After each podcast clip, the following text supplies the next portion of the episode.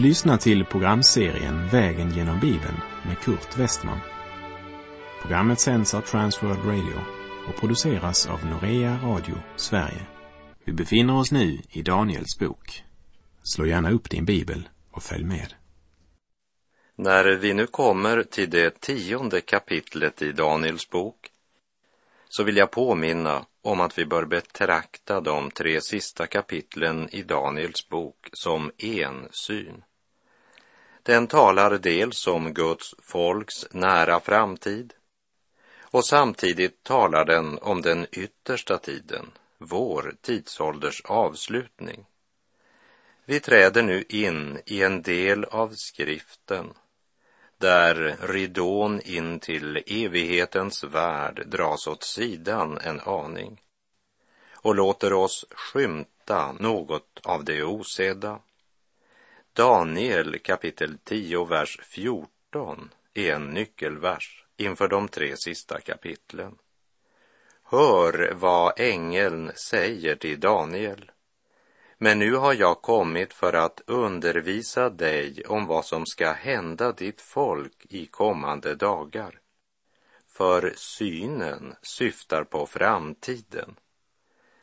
Jag är medveten om att flera seriösa bibeltolkare menar att eftersom det blir sagt ditt folk till Daniel så gäller denna syn endast nationen Israel. Men det underliga är att samma personer som säger det säger när det gäller Guds löften om välsignelse att i Kristus har alla löften fått sitt ja och sitt amen och tillhör oss, för vi är det nya Israel. Hör vad skriften säger i Romarbrevet 9, vers 6 till och med 8. Detta inte sagt som om Guds ord skulle ha blivit om intet. Ty Israel är inte alla som kommer från Israel. Inte heller är alla Abrahams efterkommande hans barn. Nej, Isaks efterkommande skall räknas som dina barn. Det vill säga, Guds barn är inte det som är barn genom naturlig härkomst, men löftets barn räknas som hans efterkommande. Så visst har de rätt när de säger att vi tillhör den nya paktens Israel. Och Paulus han stadfäster detta när han i Galaterbrevet 3, vers 7 skriver Därför ska ni veta att det som håller sig till tron, det är Abrahams barn. Och vidare i Galaterbrevet 3, verserna 26 till och med 29. Alla är ni Guds barn genom tron på Kristus Jesus. Alla ni som har blivit döpta till Kristus har blivit iklädda Kristus. Här är inte jude eller grek, slav eller fri, man och kvinna. Alla är ni ett i Kristus Jesus. Om ni tillhör honom är ni Abrahams avkomlingar, arvingar enligt löftet. Och andra Korinthierbrevet 1, vers 20 stadfäster Ty alla Guds löften har i Kristus fått sitt ja. Därför får de också genom honom sitt amen, för att Gud skall bli ärad genom oss.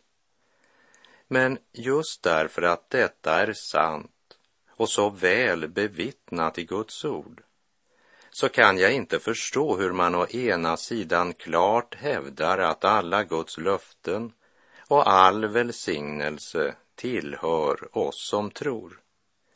Men så fort Guds ord talar om nöd, svårigheter, förföljelser och lidande, då utgör plötsligt Israel inte alla som tror längre, utan nu ger man judarna ensamrätten. Nu är man inte längre det nya Israel, trons folk, utan nu betyder Israel bara Israel. Men kära vän, Hur kan man först citera Galaterbrevet 3? Alla är ni ett i Kristus Jesus. Om ni tillhör honom är ni Abrahams avkomlingar, arvingar enligt löftet. Och så sedan, så fort det talas om svårigheter för Guds barn, säga att det här, det gäller endast nationen Israel. Antingen så tror du skriftens vittnesbörd att var och en som tror på Herren Jesus tillhör Abrahams ett enligt löftet, eller så tror du det inte. Jag repeterar Galaterbrevet 3.7 som säger Därför ska ni veta att det som håller sig till tron, det är Abrahams barn. Det står inte, ni är Abrahams barn, utom när det gäller lidande, för då har judarna ensamrätten. Antingen så är vi Abrahams barn, eller också är vi det inte. Vi kan inte vara Abrahams barn var gång det blåser medvind och talas om välsignelse och sedan inte vara Abrahams barn när det blåser motvind och talas om svårigheter som väntar. Så innan vi vandrar genom de tre sista kapitlen i Daniels bok så bör du göra klart för dig om du tillhör Abrahams ett som har del i löftena eller om du inte gör det. I Filipperbrevet 1, vers 29 så vittnar skriften följande. Ty för Kristi skull har ni fått nåd, inte bara att tro på honom, utan också att lida för hans skull. Gör så som Abraham gjorde, blicka mot himmelen upp Medan du stjärnorna räknar växer din tro, ditt hopp. Himmel och jord ska brinna, höjder och berg försvinna, men den som tror ska finna. Löftena, det står kvar. Tro när dig världen förföljer, med dig i ugnen het, vandrar en gudason härlig prövade själ det vet.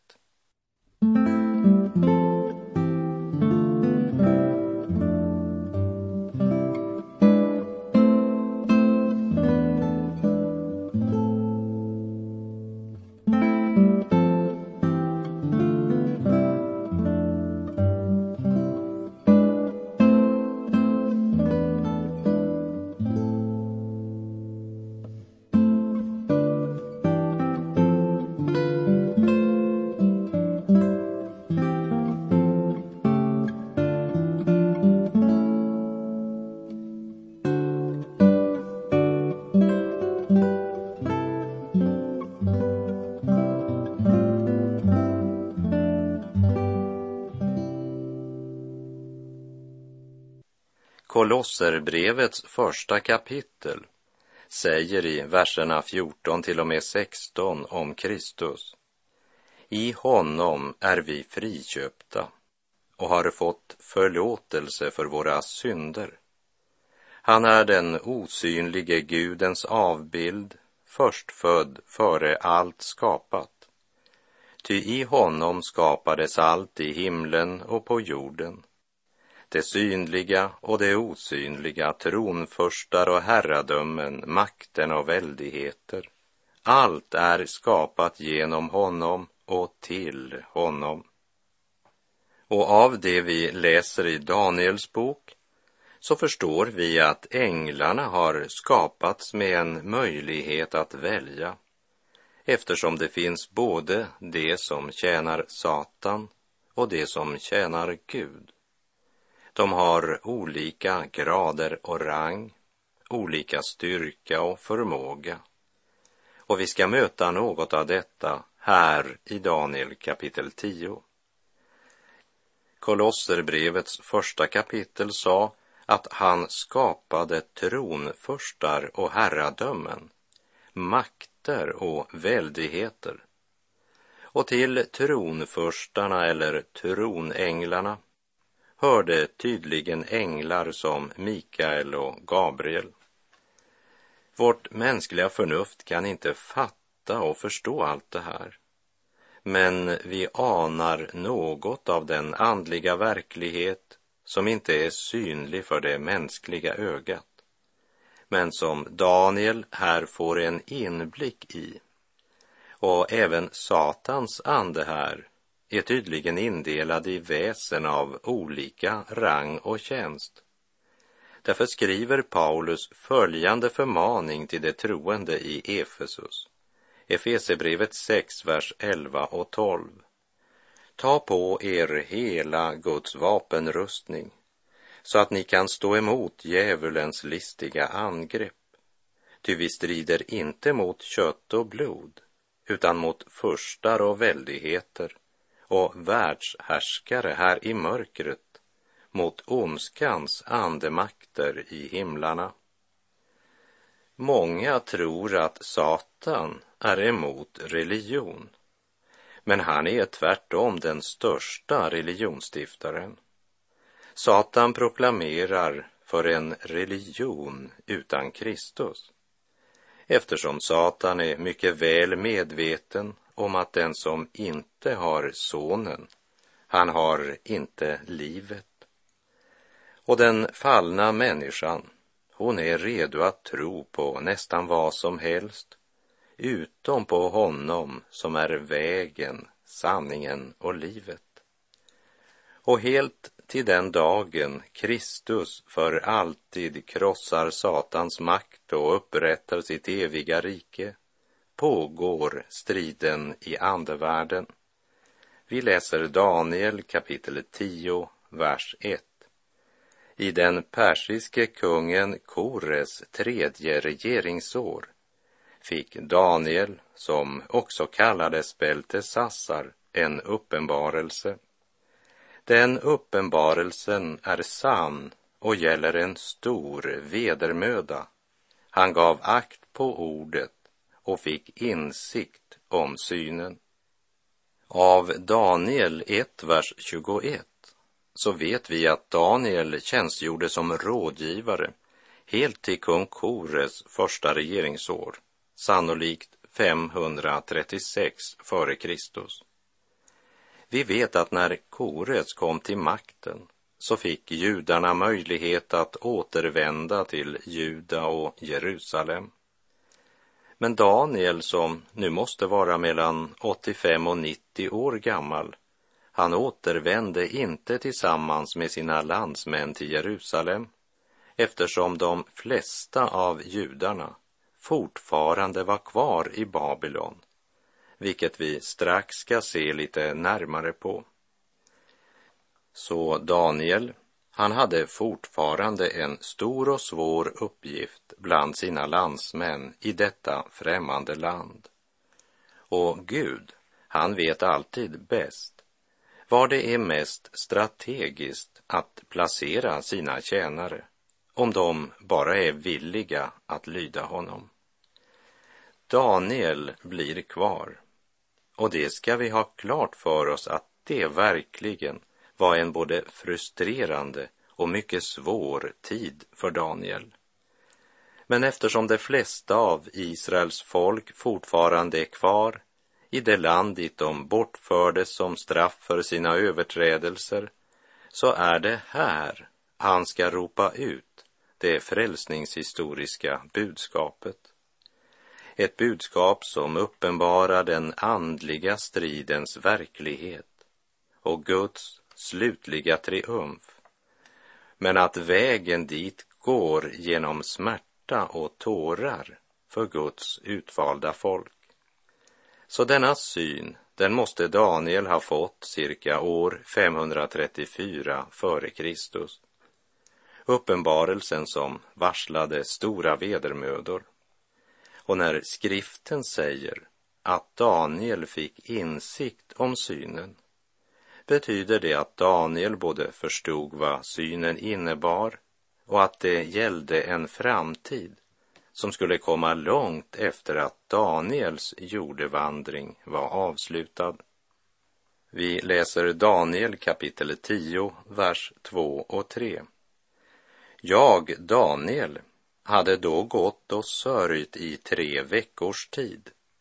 Jag åt ingen god mat, kött och vin kom inte i min mun och jag smorde inte heller min kropp med olja förrän de tre veckorna hade gått. Det sägs inget om vad det var som hade fått Daniel att gå sörjande inför Guds ansikte i tre veckor och koncentrera sig om bön under tårar. Daniel bar alltid sin nöd fram inför Gud. Vi ska komma ihåg att det är tredje året av kung Kyros regering och att Kyros redan det första året han regerade hade utfärdat en förordning som gav judarna rätt att återvända till sitt hemland. Och här vill jag citera Esra kapitel 1, vers 1 till och med 4. Men i den persiske kungen Kores första regeringsår uppväckte Herren för att Herrens ord från Jeremias mun skulle gå i uppfyllelse den persiske kungen Kores ande så att denne lät utropa över hela sitt rike och likaså skriftligen kungöra följande. Så säger Kores, kungen i Persien, alla riken på jorden har Herren, himmelens Gud, gett mig och han har befallt mig att bygga ett hus åt honom i Jerusalem i Juda. Vem det nu än är bland er som tillhör hans folk, må hans Gud vara med honom och må han dra upp till Jerusalem i Juda för att bygga på Herrens, Israels Guds hus. Han är den Gud som bor i Jerusalem. Och var än någon ännu finns kvar må han av folket på den ort där han bor som främling få hjälp med silver och guld, med gods och boskap. Detta tillsammans med vad som frivilligt ges till Guds hus i Jerusalem. Drygt två år hade gått och ändå så hade endast en liten del av folket återvänt till Jerusalem under ledning av Serubabel. För detta är alltså innan gruppen under Esra och gruppen under Nehemja hade återvänt. Det var en bister och förtvivlad tid för Daniel. Den gamle gudsmannen som är någonstans mellan 85 och 90 år nu. Att vara vittne till att Guds utvalda folk inte ville återvända till sitt land för att påbörja den strävsamma återuppbyggnaden. Det var lättare och bekvämare att resignera där man var. Och under Kores var det ingen diskriminering av judarna. Daniel, som tydligen blev pensionerad från sin tjänst i Babel det året Kyros eller Kores kom till makten, som vi läste i Daniel 1.21. Och Daniel han hängav sig helt åt att tjäna sin Gud. Han fastar och ber i tre veckor och ropar till Gud under tårar.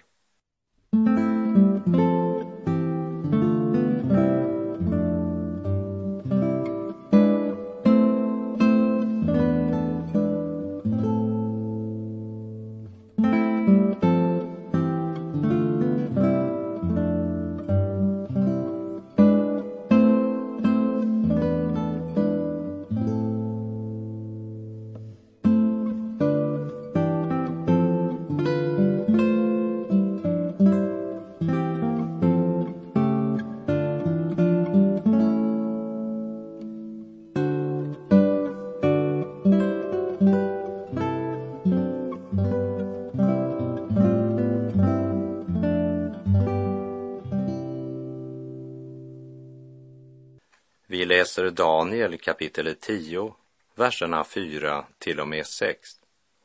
På 24 dagen i första månaden, var jag vid stranden av den stora floden Hidekel.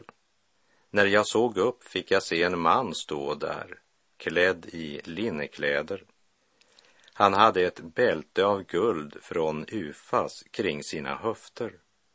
Hans kropp tycktes vara av krysolit. Hans ansikte var som en blixt, hans ögon som eldsfacklor och hans armar och fötter som glänsande koppar. Ljudet av hans tal var som ett väldigt dån. Här ger han oss en exakt datum, 24 dagen i första månaden, alltså den 24 april efter vår kalender.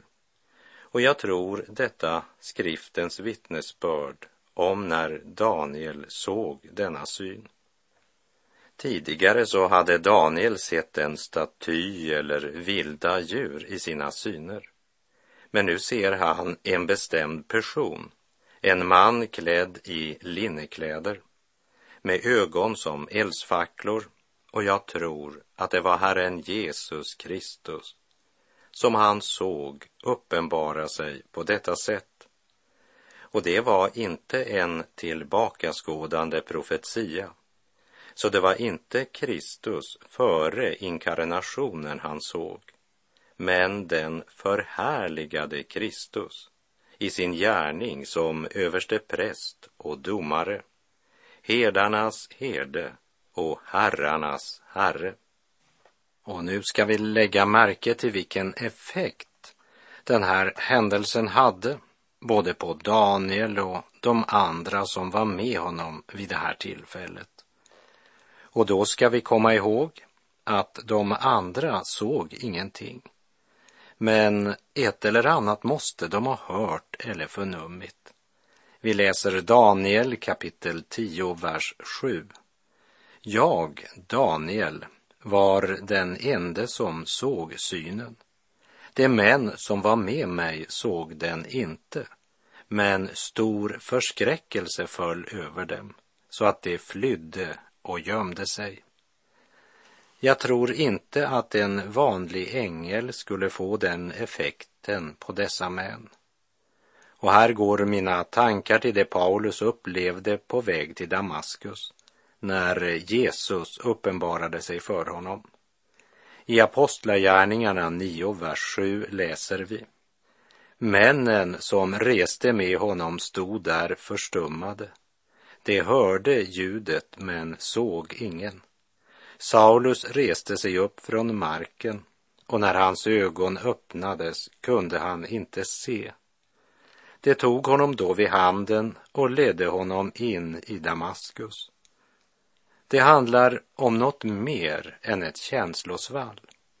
Det handlar om att möta den helige. Och de som var tillsammans med Daniel flydde och gömde sig. Vers 8. Jag blev ensam kvar och när jag såg den stora synen försvann all min kraft. Färgen vek från mitt ansikte så att det blev dödsblekt och jag hade ingen kraft kvar. Daniel blev ensam med Gud. En skrämmande men ändå fantastisk och underbar erfarenhet. Abraham, han utvandrade från Ur i Kaldeen och i Första Mosebok 15 så står följande. Därefter kom Herrens ord till Abraham i en syn. Han sade, frukta inte Abraham, jag är din sköld, din lön ska bli mycket stor. Han var ensam med Gud. Moses sändes ut i Midjans öken och vid den brinnande busken var han ensam med Gud. Elia fostrades vid bäcken Kerit och Gud var med honom. Johannes döparen var ensam i öknen, men Gud var där tillsammans med honom. Paulus var också ensam med Gud i två år, en tid under vilken Gud undervisade honom i hans ensamhet. Aposteln Johannes, han blev landsförvisad till ön Patmos, men Gud var med honom där. Och nu säger Daniel i kapitel 10, vers 8. Jag blev ensam kvar. Ensamheten, stillheten är mycket viktig för ett Guds barn. Medan den ogudaktige flyr stillheten och skräms av ensamheten. Visst är det välsignat att samlas i en grupp till bönemöte. Men har du någon gång försökt att vara ensam med Gud? För det är där Gud önskar möta dig. Det är där du personligen lär känna Gud. Ta din bibel med dig och avsätt tid till ensamhet. Jag tackar Gud för privilegiet att få undervisa över radio. Och ibland så har jag fått frågan, har du några åhörare närvarande när du håller dessa bibeltimmar?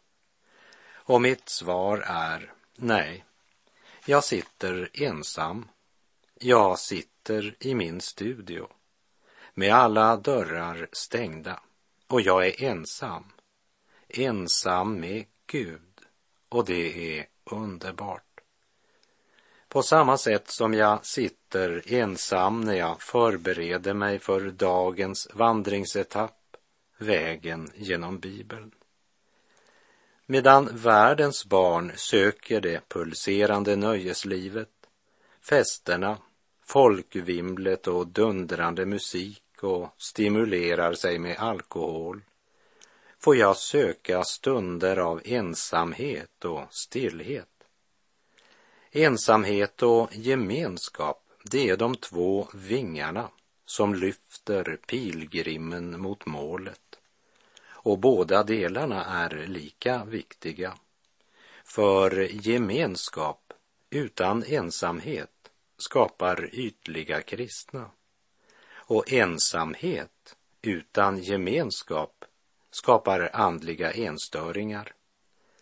Jag blev ensam kvar, säger Daniel. Och med det så är vår tid ute för den här gången. Herren vare med dig. Må hans välsignelse vila över dig. Gud styr historiens gång. Låt honom styra också ditt liv. Och låt det skrivna ordet och ensamheten i bön få stor plats i ditt liv. För det är där Gud uppenbarar sig och Gud är god.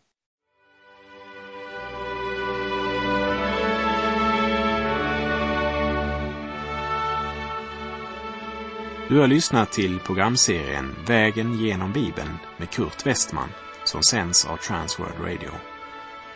Programserien är producerad av Norea Radio Sverige. Om du önskar mer information om vårt radiomissionsarbete så skriv till Norea Radio Sverige, box 3419 103 68 Stockholm. Adressen är alltså Norea Radio Sverige box 3419. Postnumret 10368 Stockholm.